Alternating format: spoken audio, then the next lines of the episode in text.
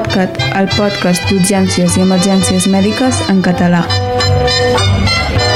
Bon dia, benvinguts a un nou episodi de l'Empodcat, que com ja sabeu tots és un espai que utilitzem per conversar sobre temes d'urgències i emergències sanitàries i nosaltres, eh, bé, som un grup de vària gent, entre elles som dues persones. Per un costat tenim eh, l'Albert. Hola Albert, com estàs? Hola, bon dia, bona tarda, bona nit, bon el que sigui.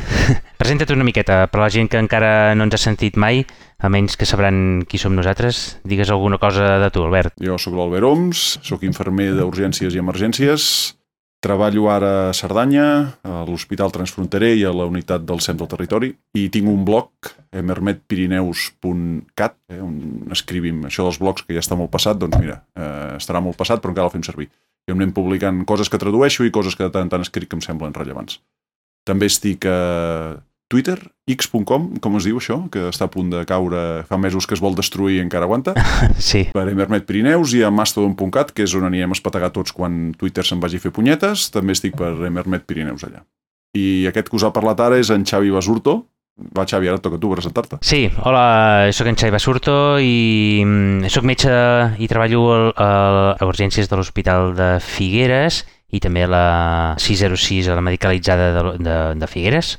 I tenim un blog que és a urgent.cat, on eh, quan tenim temps expliquem també alguna cosa que de vegades fem servir també per, per explicar-ho a través d'aquest podcast, de l'Empodcat, pues moltes coses de l'expliquem pues les podeu veure, llegir després tant el blog de l'Albert com el meu, pues anem publicant el que aquí parlem, pues, eh, ho teniu moltes vegades ho teniu per escrit en aquests blogs corresponents.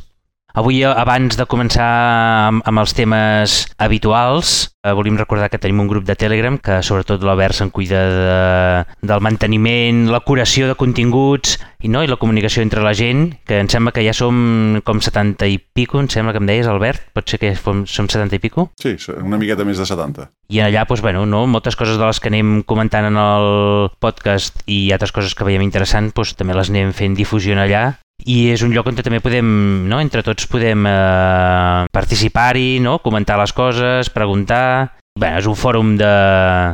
per comunicar-nos, no? Un fòrum, una altra cosa antiga, blogs, fòrums, que serà el següent. La BBS? Calla, que això és un missatgeria instantània d'abans.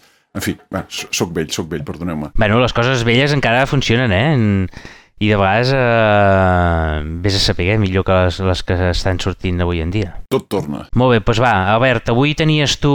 T'havies preparat algun tema que ens volies comentar dels teus temes eh, principals, que és el tema electrocardiogràfic. Explica'ns què, què ens vols comentar avui. Sí, és que feia dies que tenia, tenia síndrome d'abstinència. Ja sabeu que jo sóc addicte a l'electrocardiografia i feia dies que no en parlava i, esclar, això no pot ser. A més a més, el, el capítol, que era el, em sembla que és el 23, Sí. vam parlar del codi IAM, però em va parlar Eh, el Xavi, hosti. no jo. Amb la qual cosa, esclar, això no, no pot ser, no pot ser. Total, que per aquest episodi d'avui el que pretenc fer eh, és parlar d'electrocardiografia. Parlar d'un reconeixement de patrons visuals, però fent-ho sense veure res, només amb àudio. Difícil, oi? És un repte, és un repte. És un repte, sí. De totes maneres, farem trampa. Tenim abandonadíssim un canal de YouTube on teníem els àudios de... Sí. Tots els àudios dels episodis que hem anat gravant, doncs mira, aquest hi posarem els àudios i els electros a sota, i evidentment a les notes de l'episodi doncs, posarem exemples de cada un dels patrons electrocardiogràfics que us vull parlar avui. Aquests patrons electrocardiogràfics que us vull parlar fem una miqueta, eh, tirem una miqueta enrere, va, no pot ser tan fàcil. Uns quants episodis de la primera temporada vam parlar d'una cosa que era el manifest IAMO, que bàsicament posàvem a parir l'elevació de l'ECT com a forma de diagnosticar els infarts aguts de miocardi. Era una traducció d'un document d'uns savis americans i proposàvem una altra nomenclatura que és l'infart agut de miocardi oclusiu, IAMO, OMI en anglès, Occlusive Myocardial Infarctions. Uh -huh. Això ho vam fer-ho a la primera temporada. La segona temporada vam parlar de el patró electrocardiogràfic més habitual d'infart de miocardi oclusiu, que és l'elevació de l'ECT. Ah, o sigui, encara, encara serveix l'elevació de l'ST, no? És que, clar, has començat dient que, que ja no ens hi havíem de fixar i m'ha semblat entendre. No, no, pot no, ser. no, no, no. Mira, més o menys has de Ah. comptar que tres quartes parts dels infarts aguts de miocardi oclusius debuten amb elevació de l'ST. Val. També s'ha de dir que hi ha un 25% de falsos positius. És a dir, tu quan veus elevacions de l'ST que compleixen aquells criteris que heu d'anar escoltant o seguint un episodi de la temporada passada, Sí, doncs hi ha un 25% que no seran infarts aguts de miocardi. val. O sigui que tenim 25% que no entren i un 25% que surten. Hi ha altres coses, eh? i són aquests altres patrons, alguns dels quals són els que us parlaré avui. Val. Avui en tinc tres, intentarem mantenir-nos en aquests tres quarts d'hora que pretenem que durin els episodis.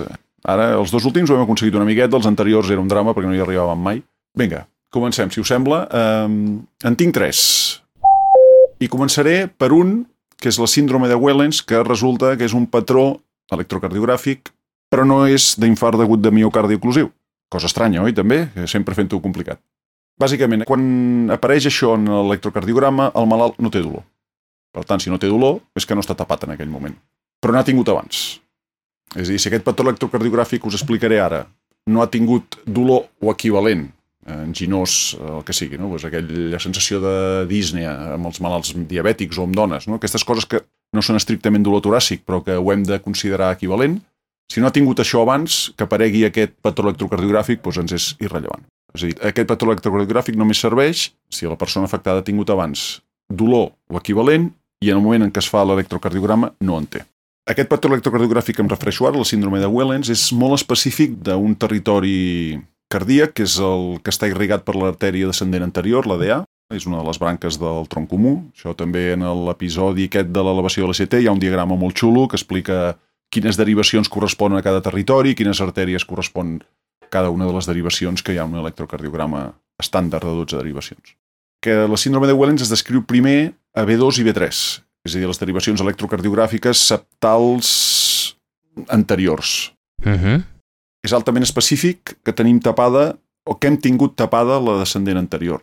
I per què dic que hem tingut tapada? Perquè aquest patró que el tenim quan el patró que teníem inicialment, que habitualment és un patró d'elevació de l'ST, quan se'ns tapa aquesta descendent anterior, es destapa pel que sigui, perquè es lisa, perquè, pel motiu que sigui, perquè s'ha pres una aspirina a la persona quan li ha vingut bé i s'ha destapat. En el moment en què aquesta artèria s'ha destapat, el patró d'isquèmia transmunal que teníem, que és aquesta elevació de l'ST, doncs clar, com que ja no està tapat en aquell moment, desapareix. I es transforma en aquest altre patró. De fet, dic patró, però n'hi ha dos de patrons de Wellens. D'acord? Hi ha un patró més comú, que el que tenim és una inversió de la ona T Uh -huh. bastant important. No és una baixadeta, sinó que baixa molt la ona T. Ara imaginem-nos el nostre traçat electrocardiogràfic, tenim la P, que és el primer bony, tenim el segment PQ o PR, que és l'espai aquest pla isoelèctric que va des de la P fins a que comença el QRS, tenim el nostre QRS, doncs el que toqui per cada derivació, doncs si és un RS comença pujant i després baixa, després d'aquest QRS tenim, hauríem de tenir una línia isoelèctrica i després una pujadeta que seria la ona T. D'acord? Això és un patró, una ona típica d'electrocardiograma.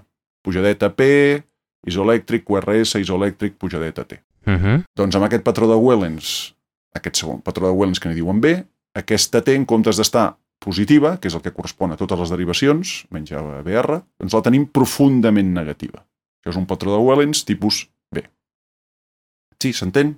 Sí. Hauríem de tenir una ona T positiva i en canvi la tenim profundament negativa. Venint d'una isoelèctrica. És a dir, tenim el QRS, tornem a la línia base, que hauria de ser més o menys recta, si l'electro està ben fet. Si hem fet un electro que és una merda, doncs l'hauríem de fer bé, companys. Eh? Els electros es fan bé.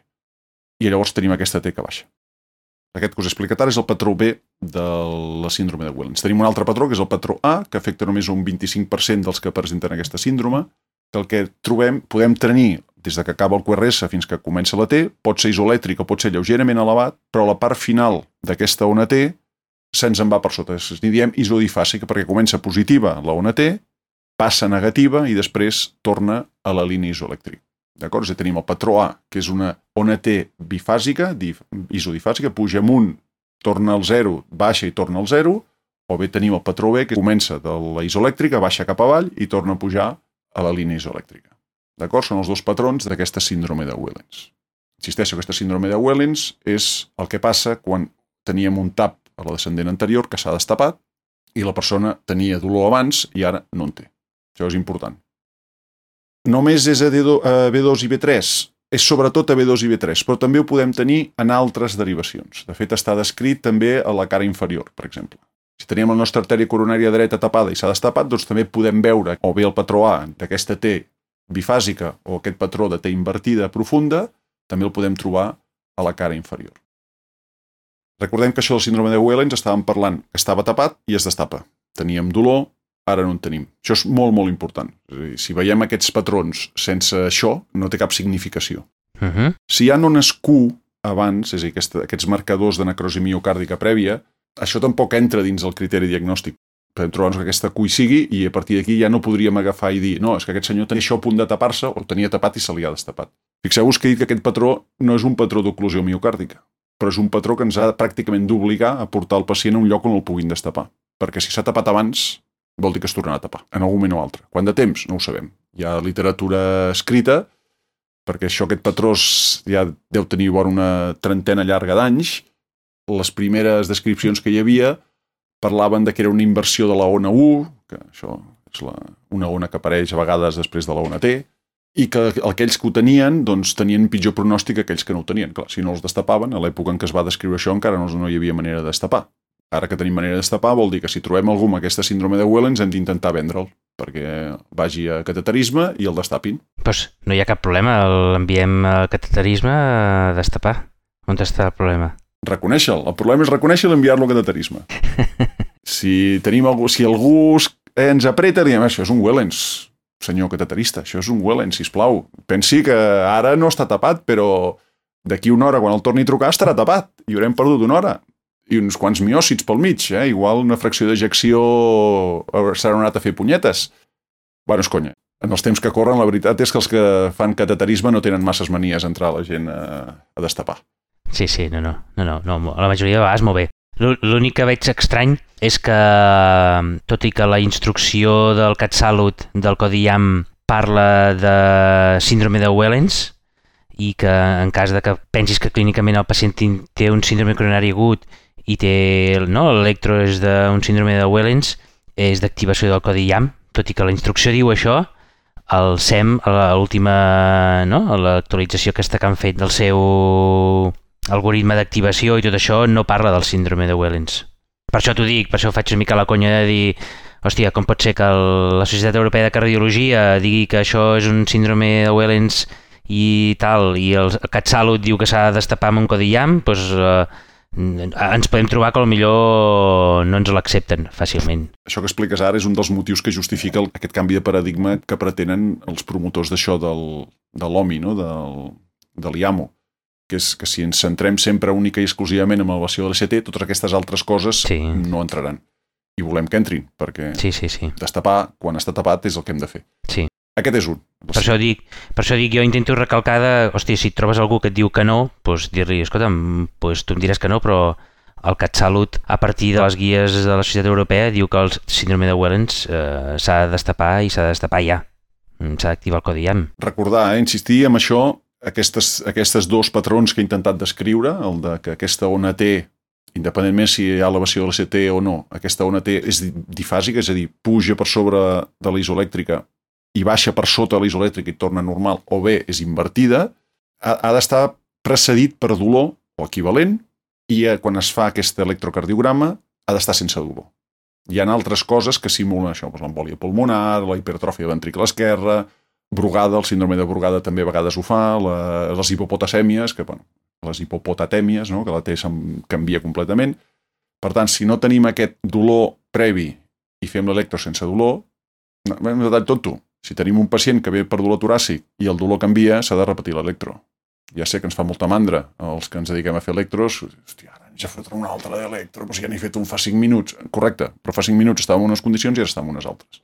Mira, aquest síndrome, aquesta síndrome és un dels exemples que hem de fer, de que fem, hem de fer electros seriats.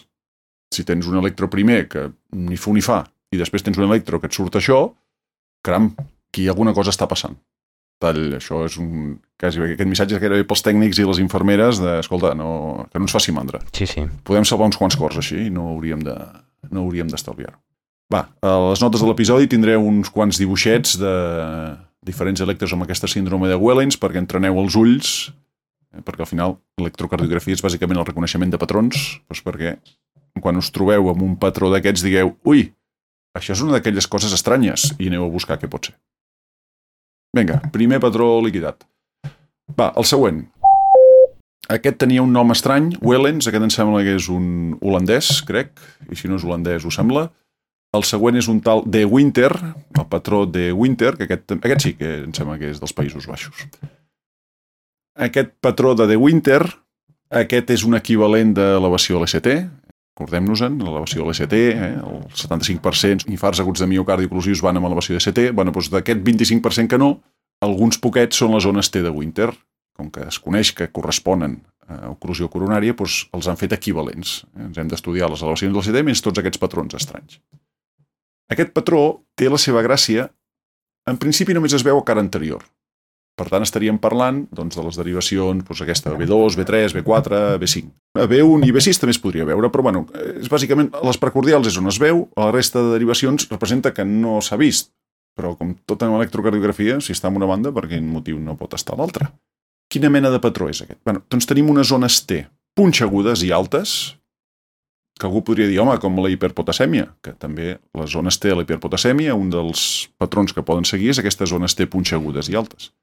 Però a diferència de les zones T d'hiperpotasèmia, aquestes no comencen a l'isoelèctrica, sinó que fan una depressió de l'ST.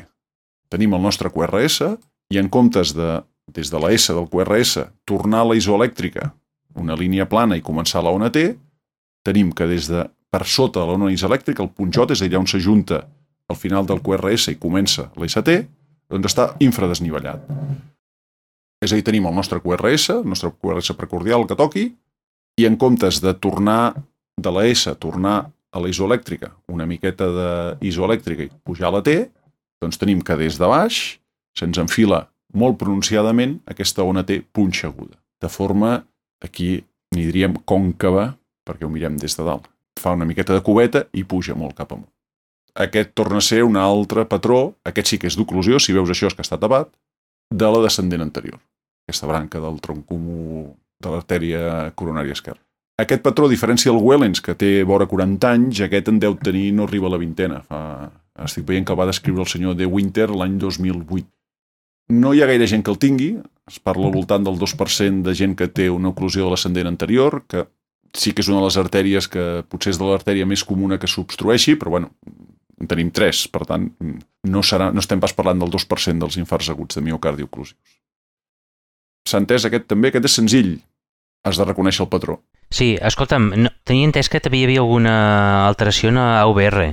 Bueno. A l'elevació de l'AVR, pot ser? O, o no té per què ser-hi en el de Winter? Mira, una de les coses que ens passa aquí sempre és que quan... Sobretot passa amb el, amb el síndrome coronari agut sense elevació de l'ST.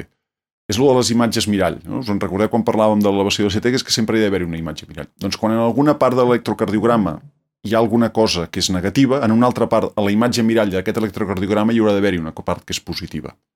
Aquí què estem parlant? Aquí estem parlant de que hi ha una, a, a derivacions precordials, hi ha un descens de l'ST, és a dir, l'ST està descendit i llavors, és quan llavors puja amunt, eh? però al principi està descendit, per tant, a ABR hi haurà d'haver-hi una elevació.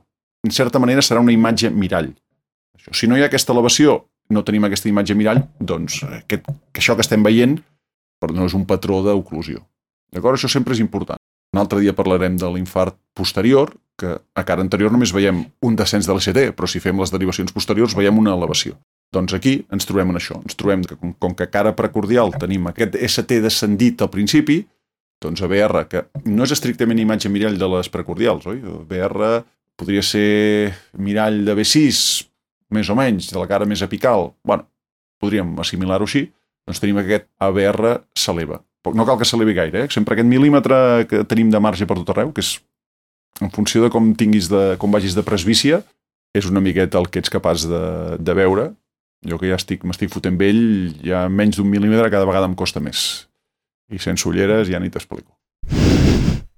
Ok, doncs gràcies. Molt bé, i què més? Tenim un altre de... Una... Eh, teníem un altre de... Sí. Aquest, si aquests us han semblat difícils, aquest que ve ara és l'hòstia. Aquest és el patró de Slanger, aquest és encara és més nou, aquest em que té menys de 5 anys que ha estat descrit, i encara n'estan parlant. Perdó, el de, el de The Winter sí que en parlen, eh? En el, en el SEM, el, els criteris d'activació del que diem sí que en parlen del, del The Winter. Correcte. El de l'eslang aquest que dius ara eh, no em sona de res, eh? No, i de fet no et sona, per a part de recent, és perquè és un patró concret d'una altra mena de patrons més general que podríem dir el d'elevació de l'ST en una sola derivació. Si recordeu, els criteris d'elevació de l'ST, els criteris síndrome coronari agut de l'elevació de l'ST, és que has de tenir dues derivacions contigües, adjacents, ja no me'n recordo quin era el correcte, has de tenir dues derivacions a tocar que estiguin elevades. A tocar... Sí, contigües, no? Eren? Sí, contigües a tocar anatòmicament. Sí, sí, sí. sí. És a dir, 1 i 2 són properes però no són regions contigües. BL i U i D1 sí que són contigües, per exemple. I, per exemple, B1 i BR no són estrictament contigües però són bastant veïnes i B6 i BL doncs, són bastant veïnes també. B6 és apical i eh, BL és eh, cara lateral alta. No són estrictament veïnes, en el sentit de que no es, no es donen la mà, eh? no, no treuen la mà per la finestra i es passen la sal, però són properes. Què passa quan tenim només una sola derivació elevada? Si tens una sola derivació elevada, doncs no compleixes els criteris perquè necessites dues. N'hi ha diverses d'aquestes, una de les que parlarem algun altre dia és l'elevació única de BR com a signe de corrosió del tronc comú. Això és, aquesta la deixarem per un altre dia. Aquesta és més llarga, potser, o és més important, la deixarem per un altre dia.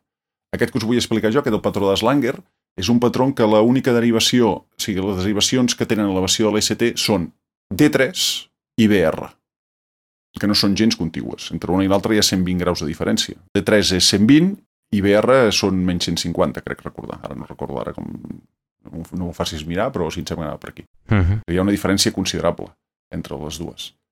I això per què passa? Bueno, no són veïnes, però hi ha una certa relació. I això tirarem enrere amb allò que has comentat abans de l'elevació de d'aquella elevació de BR que es veu a, a les zones T de, de Winter. D'acord?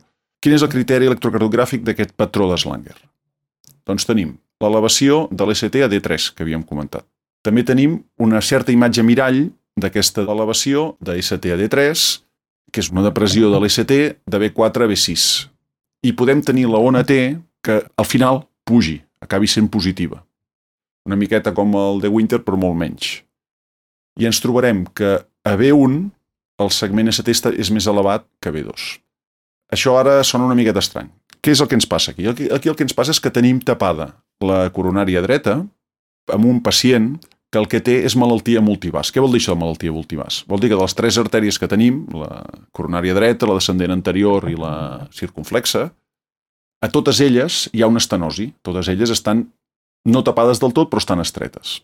Què ens passa? Quan un se'ns tapa, les altres artèries, que aquí hi ha un estrès coronari, hi ha una necessitat d'oxigenar tot el cor, hi ha una...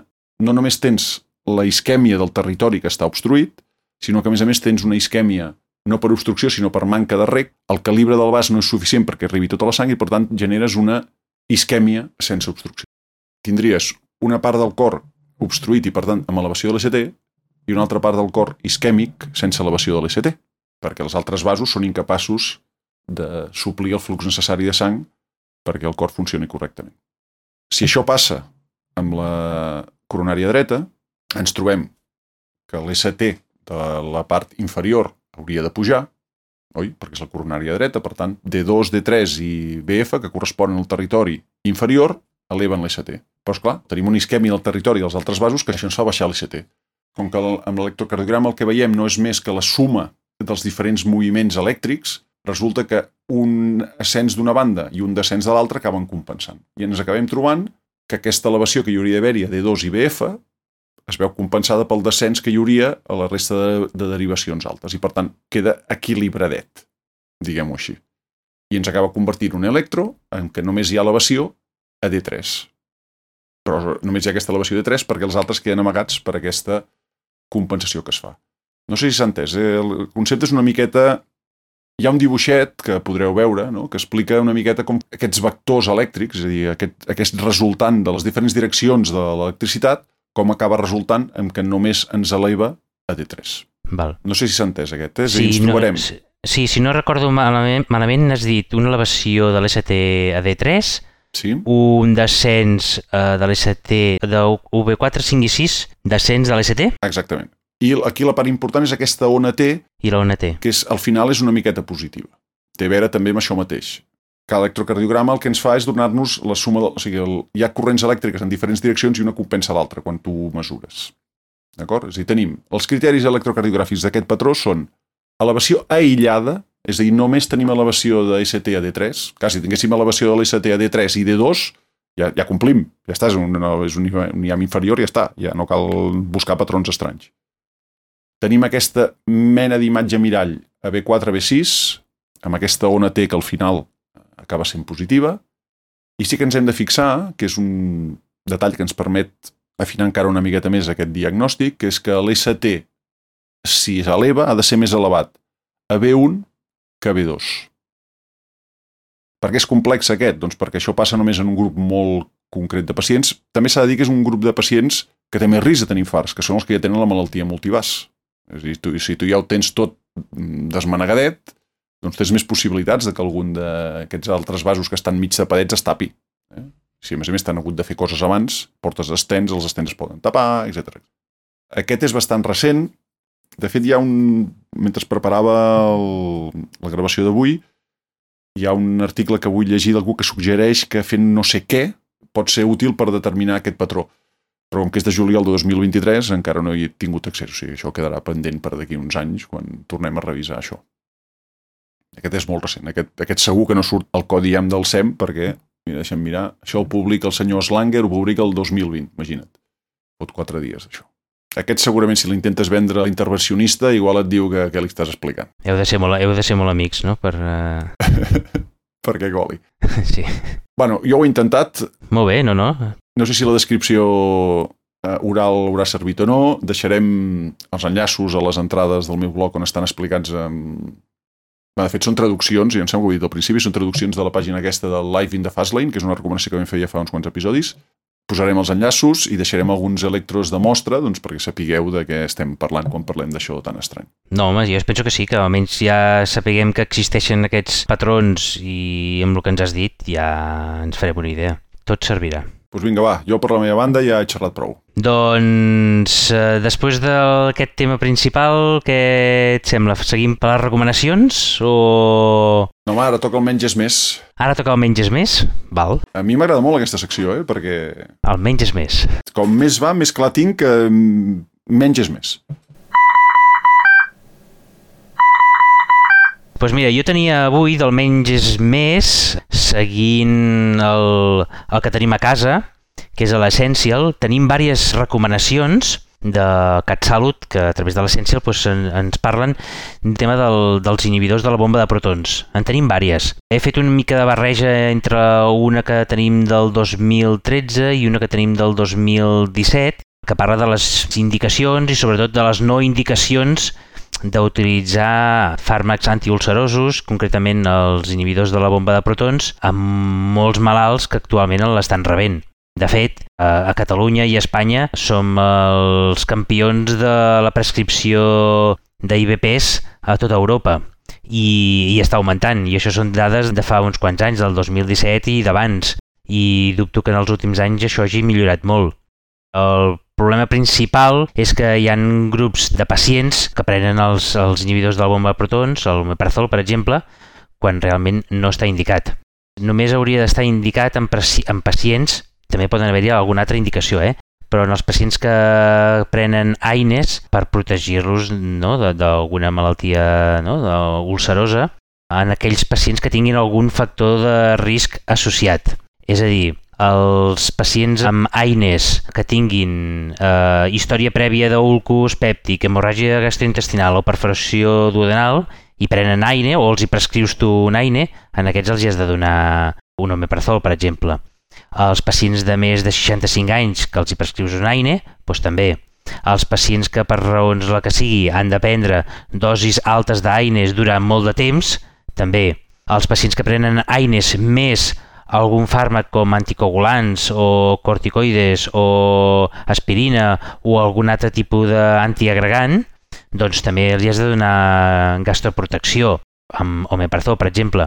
O pacients que prenen AINES i tenen alguna comorbiditat greu, vale? alguna patologia cardiovascular greu, o renal greu, o hepàtica, o hipertensió, una diabetis important, doncs aquest pacient, si els hi dones AINES, també han d'estar gastroprotegits amb, amb un inhibidor de la bomba de protons.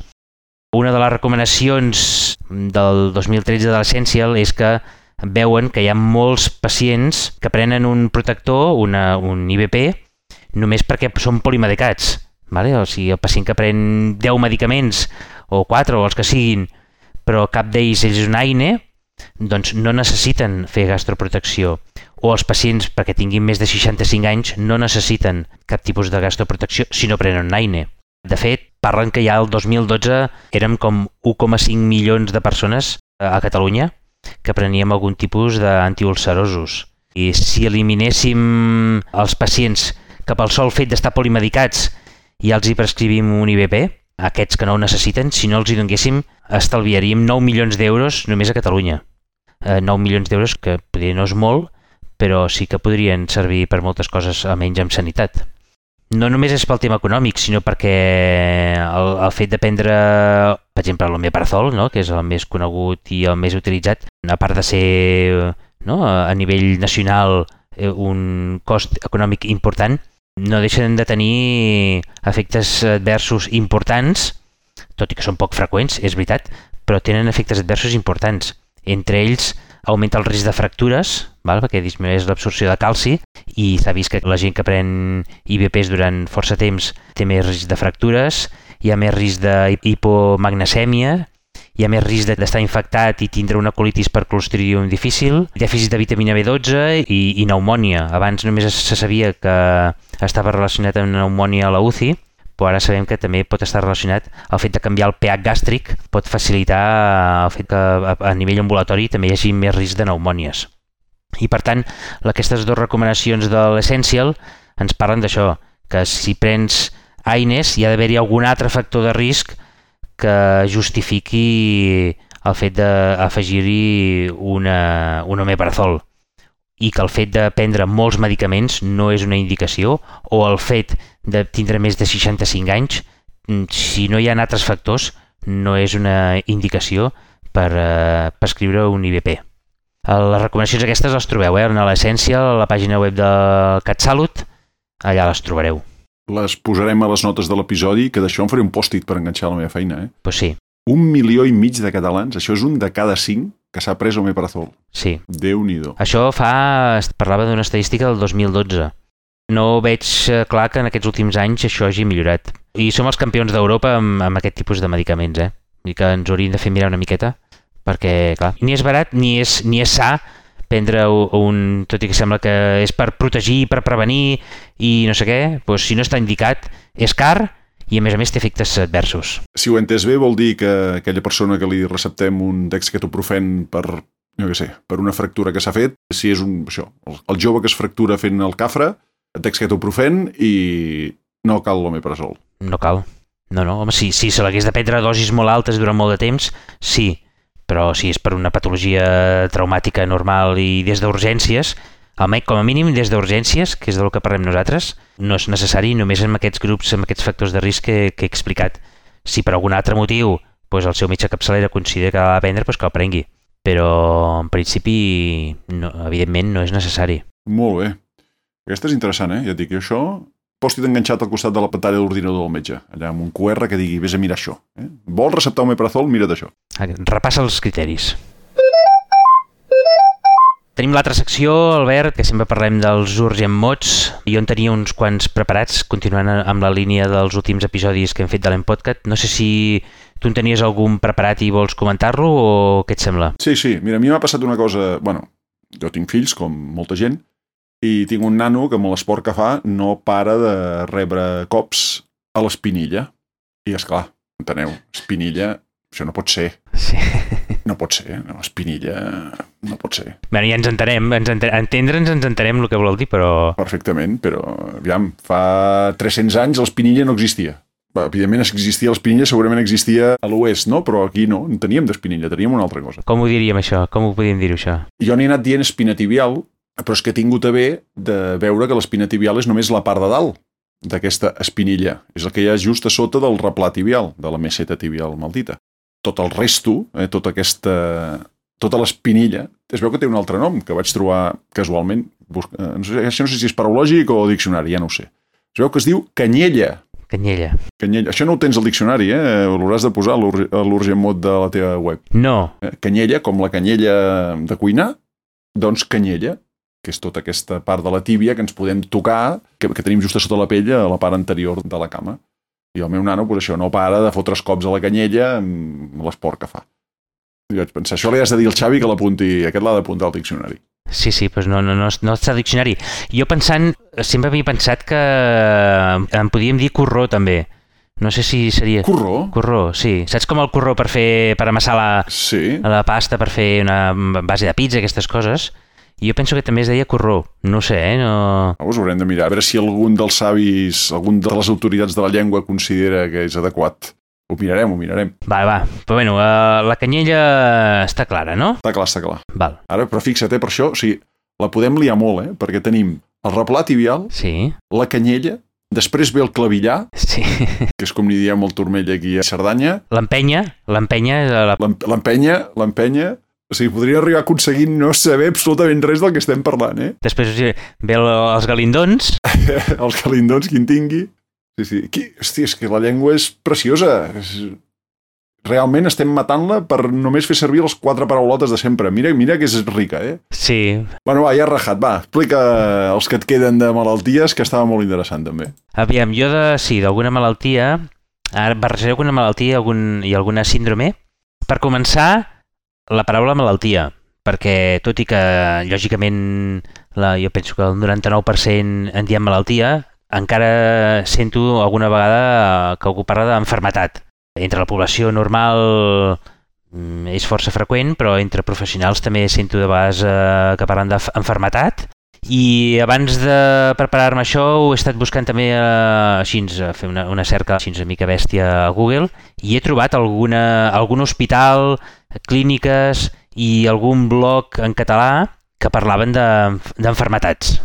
Per tant, no és un... no, no està de menys doncs, eh, recordar que eh, el terme enfermetat no és correcte, sinó que n'hem de parlar sempre de malaltia. Saps que no em sorprèn això? O, home, a mi em fa mal. A mi, jo quan sento algú que diu enfermetat, dic, hòstia, què és això? A mi també, però hi ha gent que encara diu ATS. Ah, va.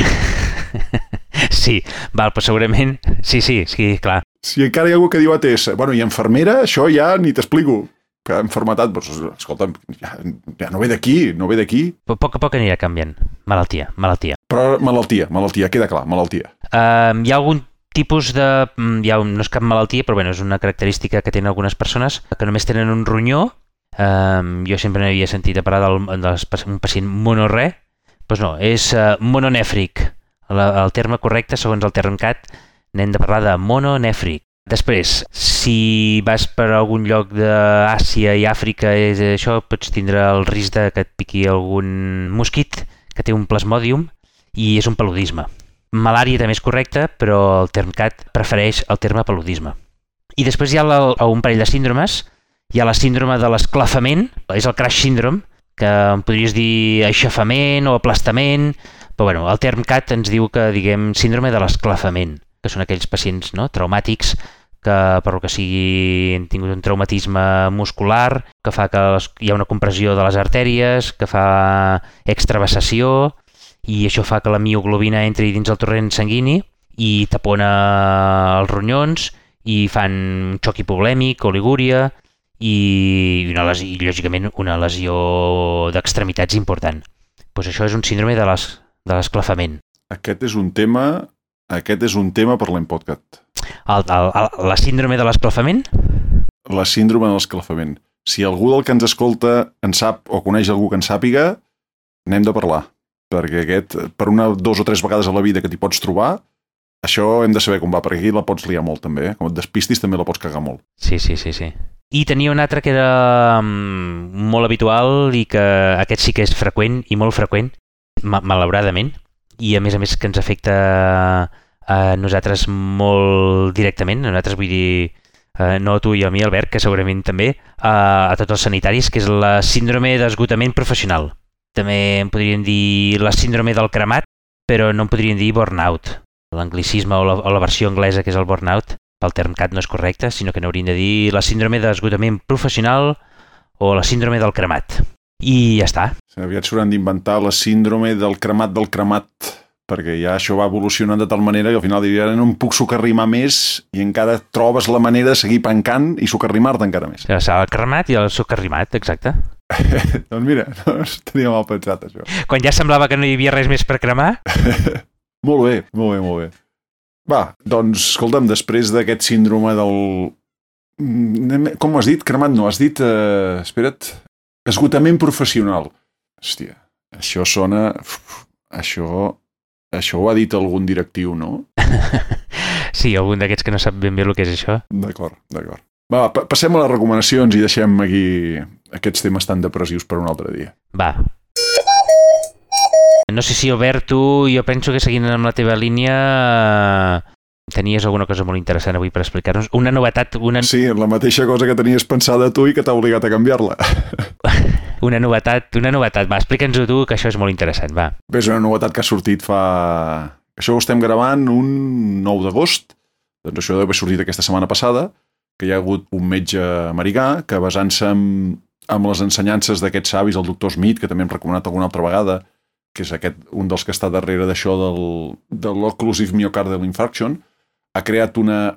És una pàgina web, però bueno, seria una web app també, eh? podries tenir-ho al mòbil, que es diu Omiguide, Omiguide, o m i g u i d e.org, en el qual tens allà categoritzades això que hem parlat avui, és a dir, aquests patrons electrocardiogràfics que són indicatius d'oclusió coronària, i també els patrons electrocardiogràfics amb elevació de l'ECT que no són oclusió coronària, és a dir, que són un fals positiu, allà els tens descrits eh, i organitzats. A més a més, estan organitzats d'una manera que suposo que potser d'aquí uns quants episodis en parlarem.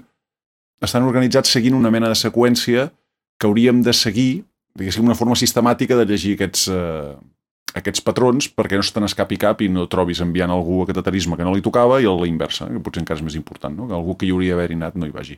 omiguide.org a part d'estar descrits, doncs hi ha, el, hi ha electrocardiogrames d'exemple per entrenar l'ull també, no? I és, bueno, és interessant i a més a més de fer-lo servir per estudiar, doncs jo penso que pot servir per, de referència per quan t'hi trobes.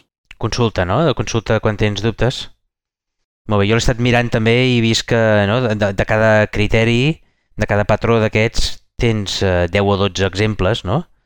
Que te pots anar, no? Això pots anar entrenant a l'ull i a més a més, si tens dubtes, és una molt bona... És, I és molt fàcil d'accedir-hi i de consultar i, i està molt bé. Sí, sí. Recomanable. I segurament molts dels que ens esteu escoltant, com que ja sentiu l'Albert de tant tant que ens parla d'aquests temes, segurament també ja us havia arribat, no? Aquesta, no? Seguint les xarxes socials i altres històries, a l'Omicite, o millor ja s'havien entrat abans que nosaltres, eh, Albert? Probablement, probablement. És el que té, és el que té estar l'última. Potser hauríem de fer, com hem dit abans, eh? Hauríem d'anar a l'antic i tornar-ho a portar. Repassar els clàssics. Va, i quina, quina t'he fet buscar de nou, Xavi? Mira, no sé si ho havia comentat alguna vegada, és una aplicació que jo faig servir des de fa molts anys i que la veritat és que bueno, és, la faig servir molt i me va molt bé i n'hi ha moltes que són molt similars, però bueno, jo faig servir el Evernote. I l'Evernote és una, és una eina multiplataforma, com la pots tindre també amb una, una app en el mòbil, i serveix per apuntar-te tot allò que vulguis recordar.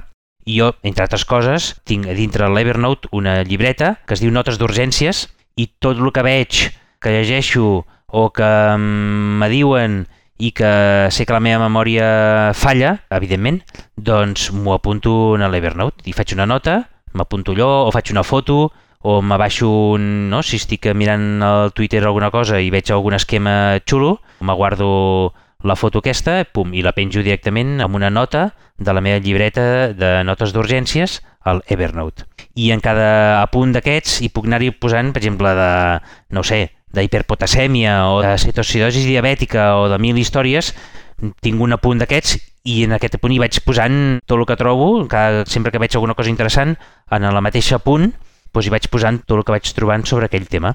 I és molt fàcil de buscar-ho després, perquè cada, a cada un d'aquests apunts a cada nota tu li pots posar, lògicament, li has de posar-hi unes etiquetes i després tens un buscador que pots buscar per temes, per paraules o per etiquetes i no, si tens un dubte de... No? Necessites alguna del sulfat magnèsic, necessites alguna d'una crisi hipertensiva, necessites alguna de la porcainamida, necessites alguna de no sé què, doncs eh, en allà hi tens de tot, i pots guardar-hi notes escrites per tu a l'ordenador, i pots posar-hi fotos, i pots posar-hi PDFs, i pots posar-hi notes de veu, qualsevol cosa. Per tant, quan jo tinc un dubte, me'n vaig i trobo una nota que parla de la cetociosi i trobo el PDF del protocol del meu hospital, un PDF d'una guia de no sé qui, i trobo unes captures de pantalla que he fet de l'ordenador d'una pàgina web i vull trobo unes fotos que he baixat del Twitter d'algú que és farmacèutic, d'urgències i no sé què, i posa coses. Pues tot allò ho tinc en una sola nota, que etiqueto amb, amb unes quantes etiquetes i és fàcil de trobar.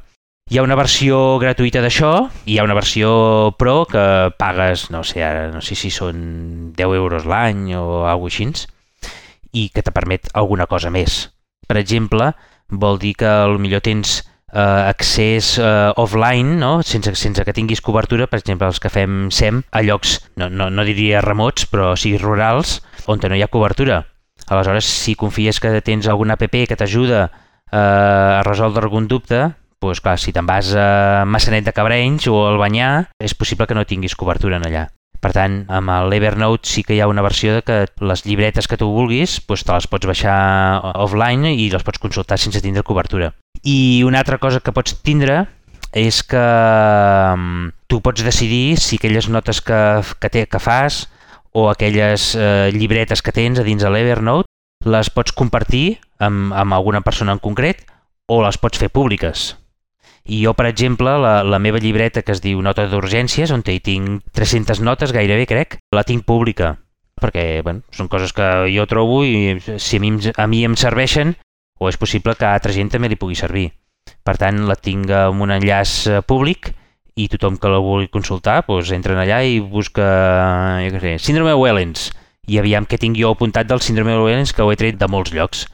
Per si algú li interessa, us passo la versió escurçada de l'enllaç d'accés a aquesta llibreta de notes d'urgències que és bit.ly.com barra apunts URG per qui vulgui consultar-ho. Molt bé, moltes gràcies, eh? Això aquí hi ha teca per estona, eh? Sí, sí, aquí hi ha informació, aquí n'hi ha molta. Hi ha un altre escurçador interessant de la gent de la Fundació.cat, que és el ja.cat. Ah, no coneixia aquest.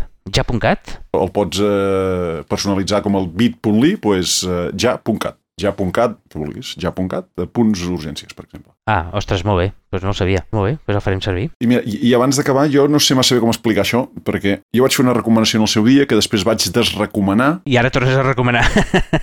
no ho tinc clar.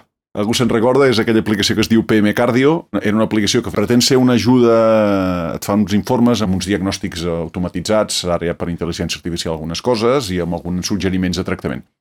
Això en, els, en la seva fase, diguem-ne, beta va ser gratuïta i podíem digitalitzar, que era pel que feia servir jo, digitalitzava electros, feies una foto a l'electro i te'ls passava a PDF en format molt maco, molt visible, podies tenir electros fets una birria, doblegats, que no es veia res tacats i, i te'ls deixava preciosos.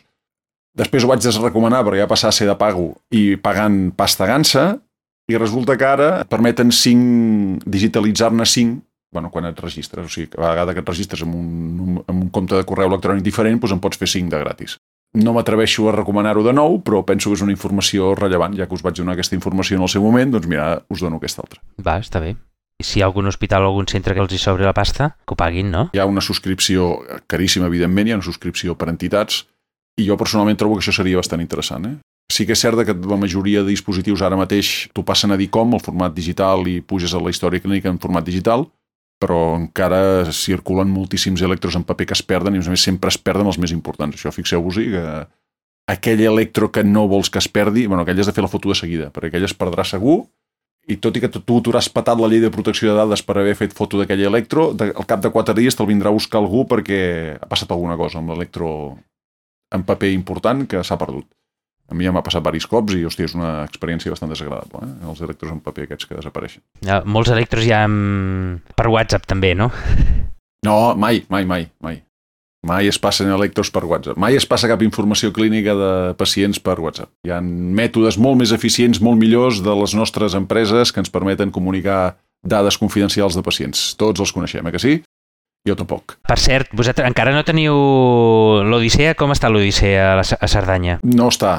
Avui he vist que els hi han... No està? He vist que els hi han donat un premi, escolta, els hem de portar a parlar amb aquesta gent també, eh? Clar. Els hem de portar a parlar a Bergamo. He vist que amb això han baixat 15 minuts el temps d'arribada a la taula d'hemodinàmica. Mm, no són pas pocs, eh? Ah, bueno, no, està bé. Està molt bé, Està bé, està bé. està molt bé, està molt bé. Això ens ho han de venir a explicar. A veure si els arribem a pescar algun dia, que això...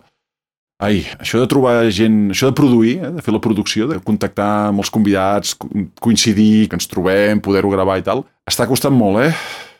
Ja s'hi ha de dedicar molt esforç, això, eh? Haurem de donar alguna recompensa, hauríem de pensar en algun, no sé, unes vacances a, a Puigcerdà, a la Seu, o... Clar, clar, sí, sí. Espera, espera un moment, que miro el pressupost que tenim. Espera't, a veure... Tia, negatius, tu. I a la Costa Brava, no? Aquí també podríem fer unes, no?